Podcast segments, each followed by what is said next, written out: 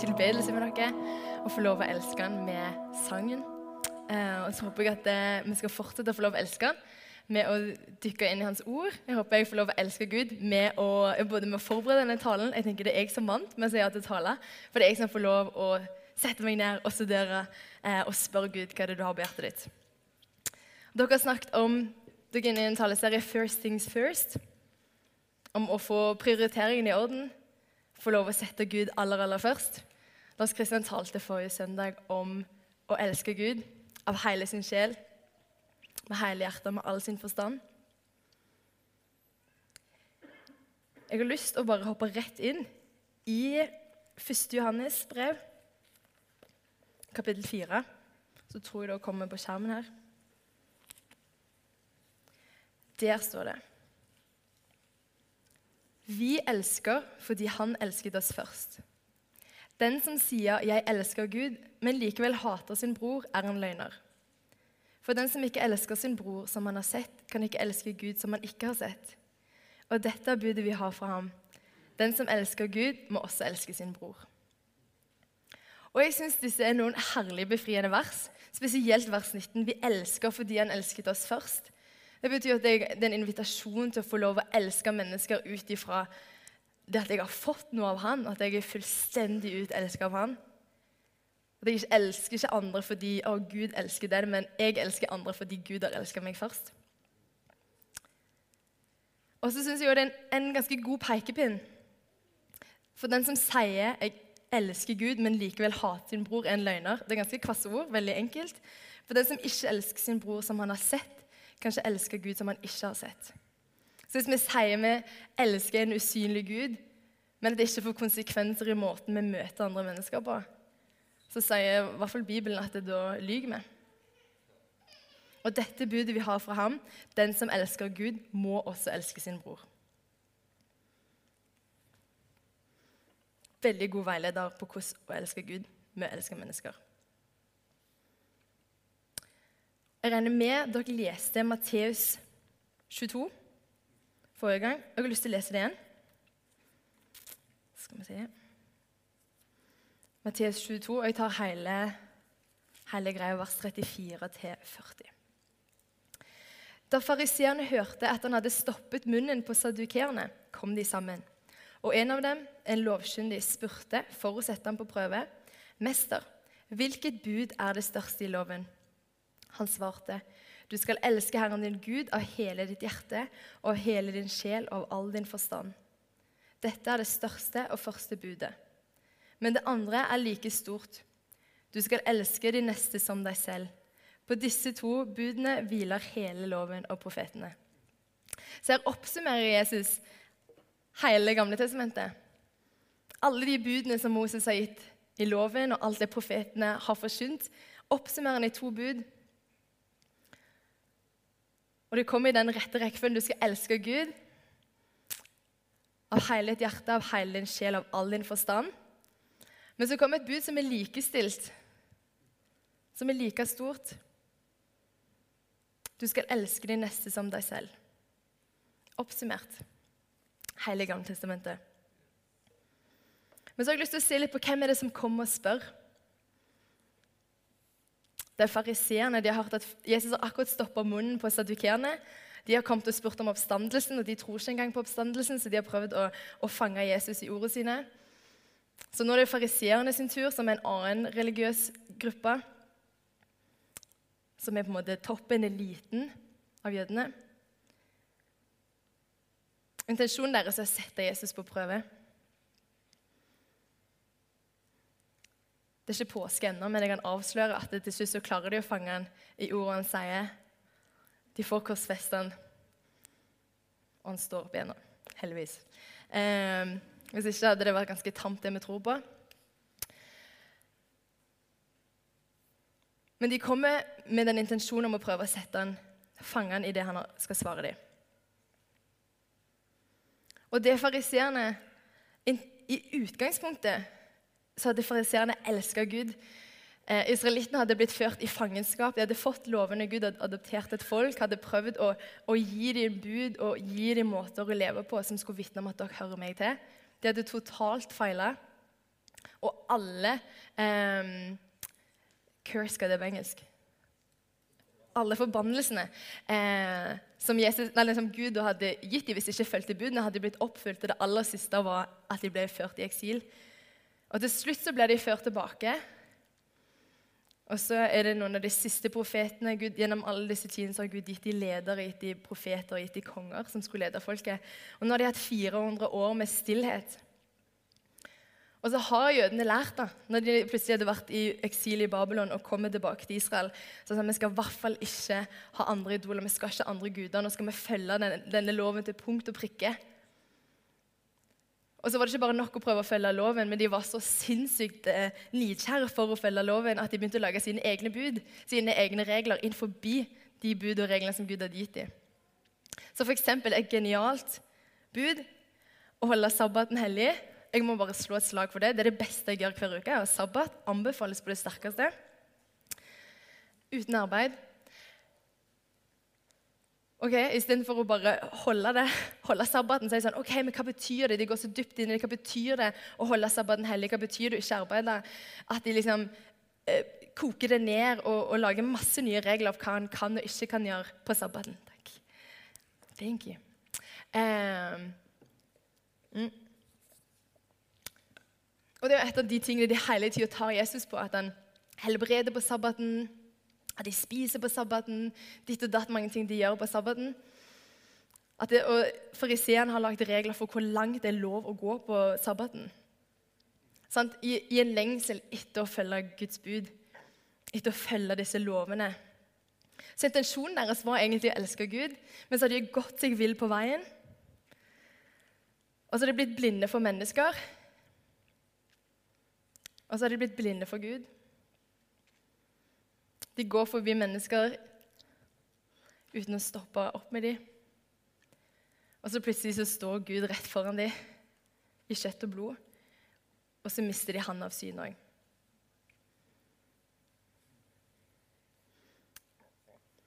Og jeg skulle veldig gjerne ønske at jeg sjøl kunne presentert her en absolutt formel for hvordan det ser ut å elske mennesker i kveld en sjekkliste. Ok, nå har jeg nådd det. Dette betyr det å elske Gud, og denne gjelder i alle situasjoner, i alle nasjoner, alle sesonger av livet. Men hvis vi vil følge en oppskrift, en formel, en sjekkliste, så mister vi synet av relasjonen. Så min invitasjon til dere i dag det er å grunne på det å elske, som ikke er en formel. For jeg håper jo egentlig aldri blir utlært på å lære å elske. Og jeg kan være en håndsopprekning her inne hvis noen vil si at de har forstått fullt ut og dybden av det å lære seg å elske Gud og elske mennesker. Jeg ser i hvert fall ingen hender akkurat nå. Men jeg har lyst til å invitere dere inn til en livstid for å lære seg å elske Gud og lære å elske mennesker. Jeg har i hvert fall lyst til å signe opp for å bruke hele livet mitt på å strekke meg etter det. Hva vil jeg si å elske Gud, og hvordan får du uttrykk i det å elske menneskene rundt meg? I noen kapitler før i Matteusevangeliet så har Jesus akkurat snakket med en rik ung mann som kommer med akkurat samme lengselen. Han kommer og spør mester, hva godt skal jeg gjøre for å arve evig liv. Og så sier Jesus, 'Hold budene', så sier han, 'Hvilke?' Så han bare, bare gi meg lista, så jeg vet at jeg er forbi, at jeg vet at jeg har elska deg nok. Og så begynner Jesus å ramse opp noen bud, og så, så slutter han med og du skal elske det neste som deg selv. Så sier det noen ganger men alt det har jeg jo holdt. Jeg er innafor. Hva mer? Hva mer? For å rettferdiggjøre seg sjøl. Sånn, ok, men det lille ekstra, sånn jeg i hvert fall vet at nå har jeg lært å elske.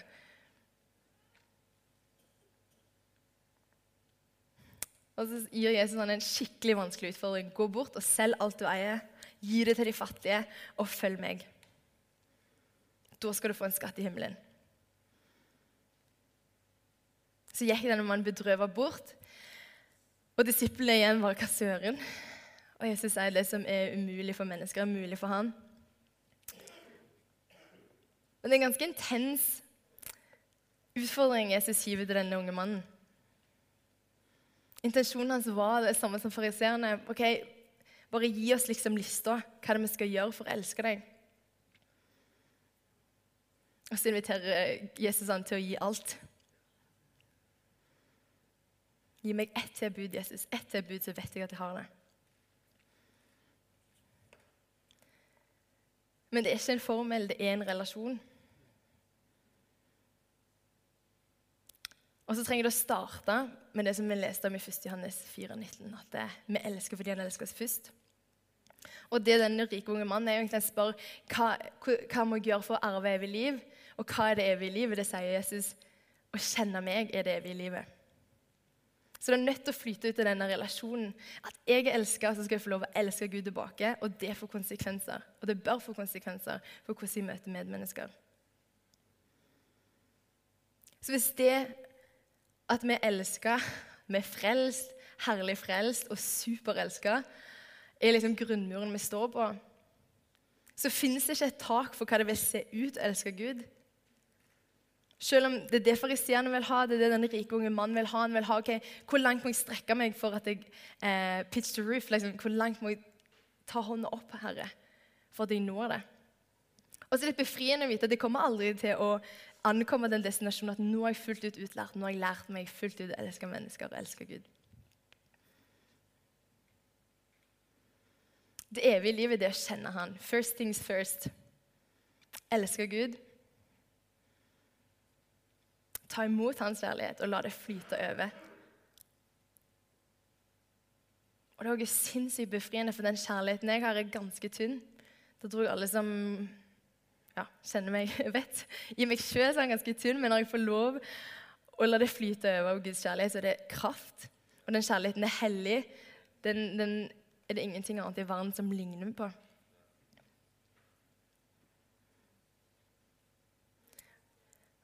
Takk. Og så er vi relativt ganske rike her i Norge. Uansett om du føler deg rik her inne. Kanskje er du ikke relativt rik. Kanskje du er student, sånn som jeg er. Eh, uansett så tenker jeg det En ting jeg har lyst til å snakke om denne rikdommen, det med tida. For det er en ting jeg har følt i Oslo, så det er et vanvittig rush. Jeg har aldri hatt så dårlig tid. Men sannheten er at jeg har 24 timer i døgnet, sånn som resten av verden har. Og En utfordring jeg har lyst til å gi til oss i dag, og jeg har lyst til å ta den sjøl, det er å gi kalenderen min til Gud. Å gi han tid og rom og sted til å virke gjennom meg med sin kjærlighet. F.eks. ta og gi han jobben. Kanskje for noen så vil det overgi jobben sin si Gud, kom her. Kanskje han har bedt deg egentlig om å skifte en jobb. Anbefaler jeg å være lydig. Det er det deiligste å få lov å leve i lydighet. Men kanskje er det òg bare å gi han rom for å faktisk møte deg på jobben. Til å gjøre en god jobb, og til å elske de menneskene som du møter på jobben din. Samme med studiet. Få lov å elske Jesus med å studere. Med å faktisk møte opp til timene, ha respekt for lærerne, eh, gjøre en god jobb. Men òg møte de menneskene, og ha tid til å møte de menneskene på studiet. Nå snakker jeg i hvert fall til meg sjøl å komme tidlig nok til å kunne møte andre medelever. Eller på fotballaget. Kan jeg elske de når jeg spiller fotball? Kan jeg elske de måtene jeg spiller fotball på? Når jeg er på treningssenter, kan jeg, gir Jesus rom til å faktisk møte andre mennesker gjennom meg. Og kanskje er du sliter med noen sykdommer igjen, eller kronisk syk. Jeg hadde et helt år i livet mitt der jeg var ganske mye sengeliggende. Jeg ble helbredet for tre år siden, som var helt fantastisk. Men i den tida vet jeg at jeg var like fullt ut elska. Og det er veldig deilig, for det er ingenting at jeg driver med nå gjør jeg for å elske meg mer. Jeg skal ikke gjøre det å tale her for å bli mer elska, men jeg gjør det fordi jeg vil elske Gud. Men til og med det, da så det annerledes ut i min situasjon å elske mennesker. Men jeg vet at Gud fortsatt brukte meg til å gjøre nettopp det.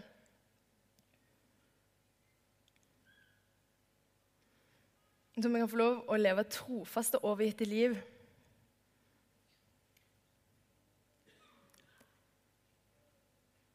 Og så kan jeg få lov å gi han tida mi, og gi han litt mer tid til å få rom.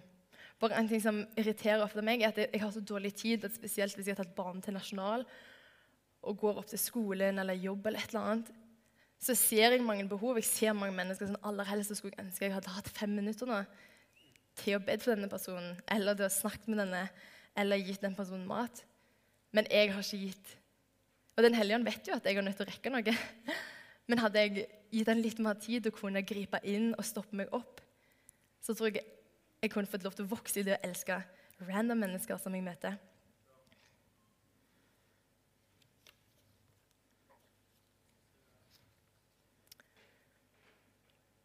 Og for å, for å ikke effektivt lære å elske Gud eh, Men hvis vi skal gi han rom og tid, så betyr det òg å si nei. Tørre å si nei. Den hellige ånd forteller meg veldig ofte å si nei til ting som jeg blir spurt om. Eh, to ting som jeg har kjempelyst egentlig å jobbe med. Jeg, jeg synes, hver gang jeg hører om Maritastiftelsen, så blir jeg sånn Sign me up! Dette har jeg lyst til. Og hver gang jeg hører om et ungdomsarbeid eller eh, konfirmantarbeid i byen som trenger ledere, så er jeg sånn Jeg har lyst til å være førstemann. Men så vet jeg at Gud har bedt meg om noe annet akkurat nå. Kanskje om noen år så skal jeg få lov å gjøre begge deler. Men akkurat nå har han bedt meg om å være fulltidsstudent og jobbe i Ungdom i oppdrag. Det er noe av, det, noe av det jeg gjør. Og da har jeg nødt til å si nei for å elske Gud med å være lydig på det han har kalt meg, og skjønne hva løpebane er det han har bedt meg om å ligge i. Hva er min lane?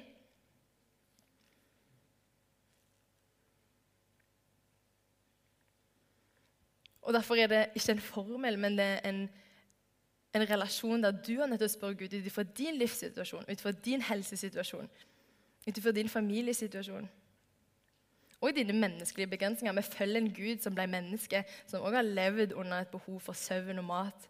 Han fasta, ja, men han spiste òg. Og jeg synes Det er sykt deilig å vite at jeg har en menneskelig Gud. For jeg er skapt i hans bilde, og han har gitt meg disse begrensningene. Ikke for å være ond, men i sin godhet. Så man må tørre seg nei for en tid til å elske Gud, elske mennesker. Så hva plass er det du er der du møter mennesker som du kan få lov å elske?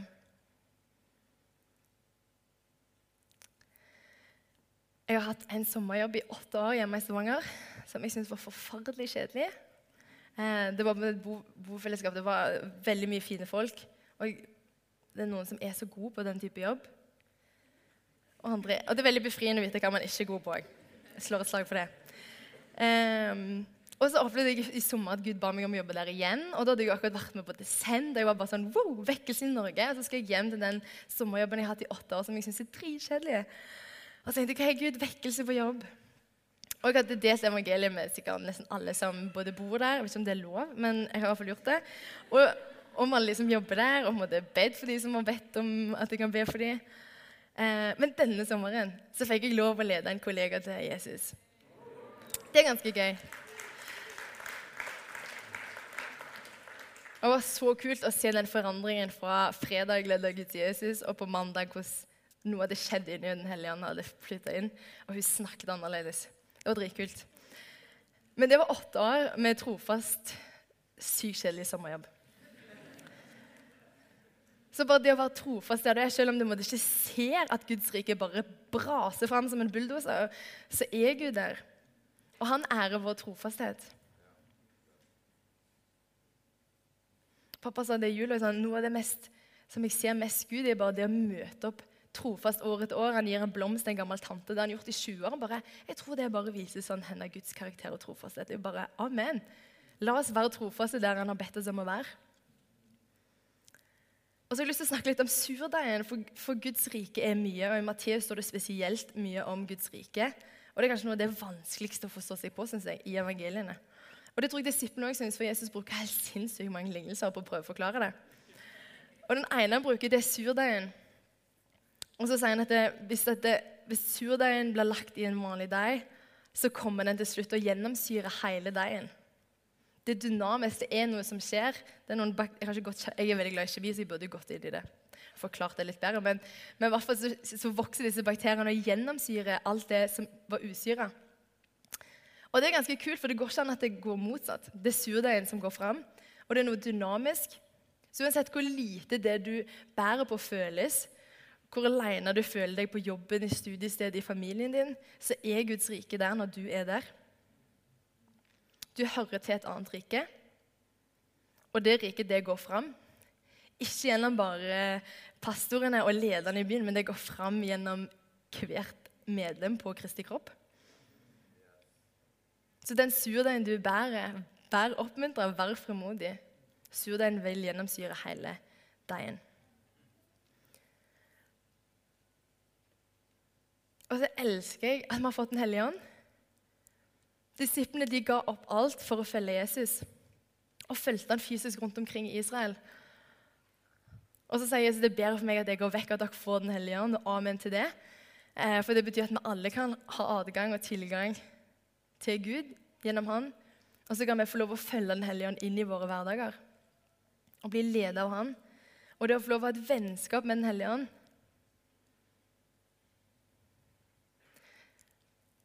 Få lov å lytte til han, få lov å gi han hverdagene våre. Altså, det er en daglige daglig ting. sånn Ikle seg Kristus og gi dagen min til han. Det er en ting å gi han de store tingene. Men jeg har lyst til å gjøre det litt lite og veldig konkret. Gi han kalenderen, gi han alle de tingene du driver med fra i dag og til neste søndag, og gjør det hver morgen. Da kommer jeg til å love deg at han kommer til å møte opp. Og hvis man, hvis man ber igjennom, spør Gud om alle sånne små og store ting, så tror jeg vi skal få lov å slippe å tenke at å, jeg må gjøre mer for deg, Gud, eller å, jeg burde vært med Maritastiftelsen. Og kanskje er noen her som faktisk burde det, fordi Gud har allerede kalt deg til det. Sign up. Um, men vit hva han har bedt deg om å gjøre, for hvis ikke gjør du deg sjøl bare travel og gjør det vanskeligere, tror jeg, for Den hellige ånd elsker mennesker gjennom deg. Tør å si nei. Og så elsker jeg hvordan disse to budene at liksom Jesus oppsummerer bare alt og gir det ikke den der, eh, på en måte lettvinte formelen som egentlig gjør det sykt vanskelig og veldig religiøst. Um, men så gir han to bud elsker han og elsker mennesker. Og det gjør det veldig tilgjengelig å følge han.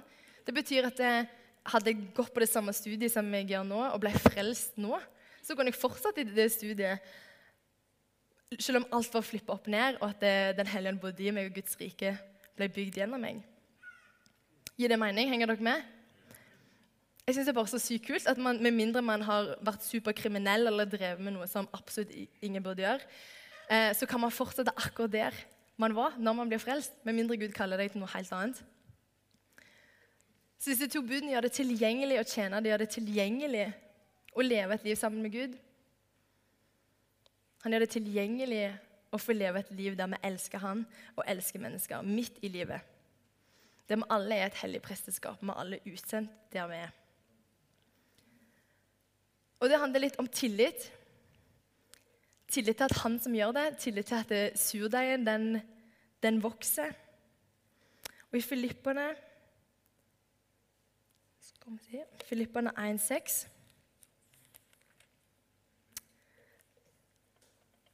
må la det bli bare noe som jeg tror over våre liv òg. Da står det og jeg er trygg på at Han som begynte sin gode gjerning i dere, skal fullføre den helt til Jesu Kristi dag. Jeg er trygg på at Han som begynte sin gode gjerning i dere, skal fullføre den helt til Jesu Kristi dag. Det å få lov å ha tillit til at han som skal gjøre det, det er han som skal fullføre det han har begynt i oss. Og at vi får lov å, å vandre i ferdiglagte gjerninger, det er noe av det deiligste jeg vet. Bare sånn, wow, der var Gud på jobb. Det var ikke Sofie Hovda som liksom dikta opp hva, hvordan hun skulle bruke dagen, men jeg bare gjør meg sjøl tilgjengelig, lar han lede meg gjennom dagene. Så får jeg møte sykt mye spennende mennesker.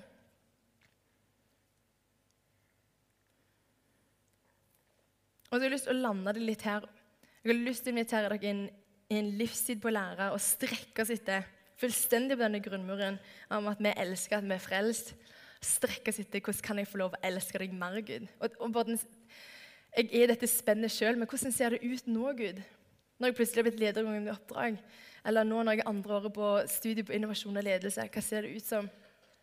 Ny, at vi bor på en ny plass. Hva ser det ut som jeg elsker de jeg bor sammen med i denne sesongen av livet mitt? Og det spør han og skjønne at det forandrer seg ut ifra hvilken livssituasjon man er i. Men jeg har lyst til å være der med hver en av dere til å være ok, hvordan elsker jeg deg, Gud, og hvordan elsker jeg mennesker? Og så har jeg lyst til at vi skal lande det i det at eh, man gjør det ut ifra hvile. Og først og fremst first things first, feste øynene på han. La han fylle oss med sin kjærlighet, sånn at vi slipper å gi verden brødsmuler, men noe ekte. Og så står det i Matteus 11, 28-30, så står det Dette fikk jeg litt sånn wow, åpenbaringer om nettopp. Men Jesus sier, kom til meg, alle dere som strever og bærer tunge byrder, og jeg vil gi dere hvile. Og da tenker jeg ikke alltid at jeg skal på retreat eller legge meg på sofaen hele helga.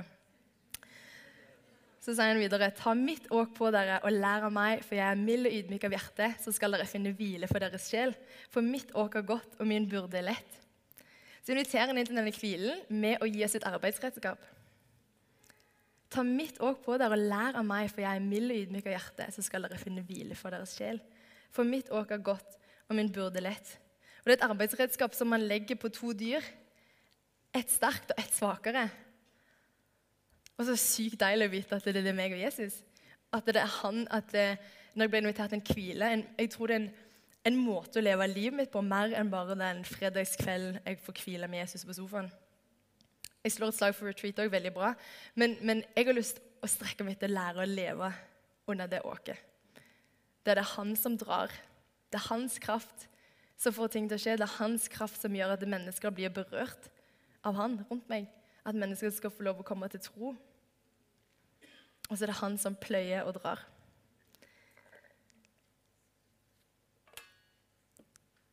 Så jeg tror det fins en måte å arbeide på og leve dette livet med å strekke seg etter elska mennesker gjennom hvilen. Og så er vi nødt å spørre om å få lov å se med troens øyne. For jeg tror det vil forandre veldig mye av det du står i. Hvis du ikke allerede kjenner at Gud har sendt deg der du er, så har han det, men be ham om å gi deg tro til å se hva han gjør, og hva han vil gjøre de, i din familie, i det kollektivet du bor i, på ditt arbeidssted, på ditt studiested. For troen er en gave, og vi kan be om å få det, og så kan vi få lov å ta imot. Og En kul opplevelse bare nå For to uker siden var jeg leder på Krik Explore. Og så fikk jeg lede en gutt i Jesus som jeg òg var leder for på en leir i sommer. Så var det To av disse guttene hadde jeg allerede vært leder for, så satt vi og snakket. Og så inviterte man til slutt hadde lyst til å ta imot Jesus. For Det var en andre gutten som egentlig satt og delte evangeliet. Det var dritkult. Og en 17-åring som forteller en annen 17-åring om Jesus.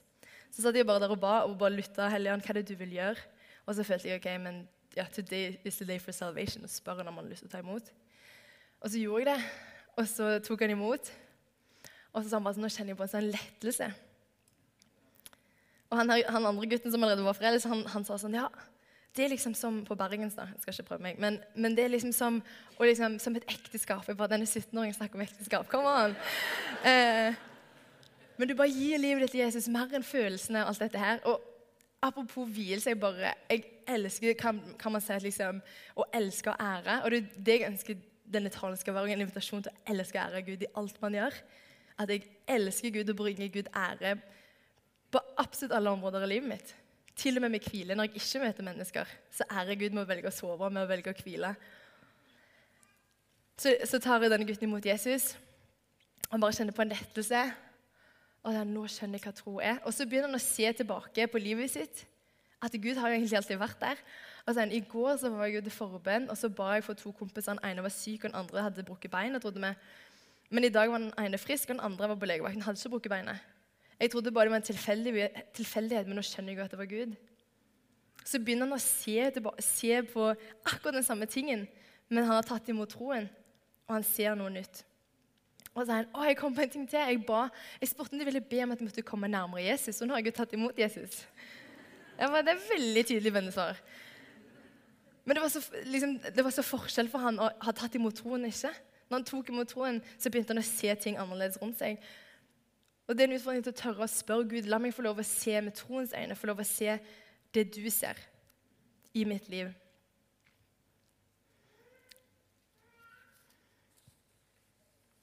Så jeg har hevet en invitasjon som jeg sjøl vil følge en livstid på å lære å elske. Og godta at jeg aldri ankommer destinasjonen, men jeg vil strekke meg så høyt jeg kan med beina fast planta i det at jeg sjøl elsker. Strekke meg etter å elske Gud, elske mennesker, og i den rekkefølgen. og hvile i at eh, han vil fullføre sitt verk. Og at lik surdeigen i meg har kraft til å gjennomsyre omstendighetene og lære meg å elske mennesker inn i Guds rike. Jeg bare avslutter med en bønn. Så Jesus, vi kommer framfor deg. Takker deg for at vi er så vanvittig elska. Må din kjærlighet bare fylle oss og la det strømme over, sånn at det blir naturlig i våre liv, i våre hverdager. Elsker deg med alt som vi har, Gud. Elsker deg med kalenderen vår, elsker deg med tida vår, Gud, tjenesten man står i. At ingenting man står i, Gud, som ikke du kan få ære av. Så jeg ber om at mange mennesker i Oslos by skal bli skikkelig velsigna, Gud, og bli berørt av din kjærlighet denne uka, fordi vi gir deg rom og vi gir deg tid for å berøre andre mennesker gjennom våre liv. Gjennom vår munn og gjennom våre hender, Herre. Og ber om at vi skal få lov å gjøre det ut ifra hvilen. At det er du som drar. Vi elsker deg, Jesus, i ditt navn. Amen. Du har hørt en podkast fra Imekirken Kollektivet. Følg oss gjerne i sosiale medier for inspirasjon i hverdagen.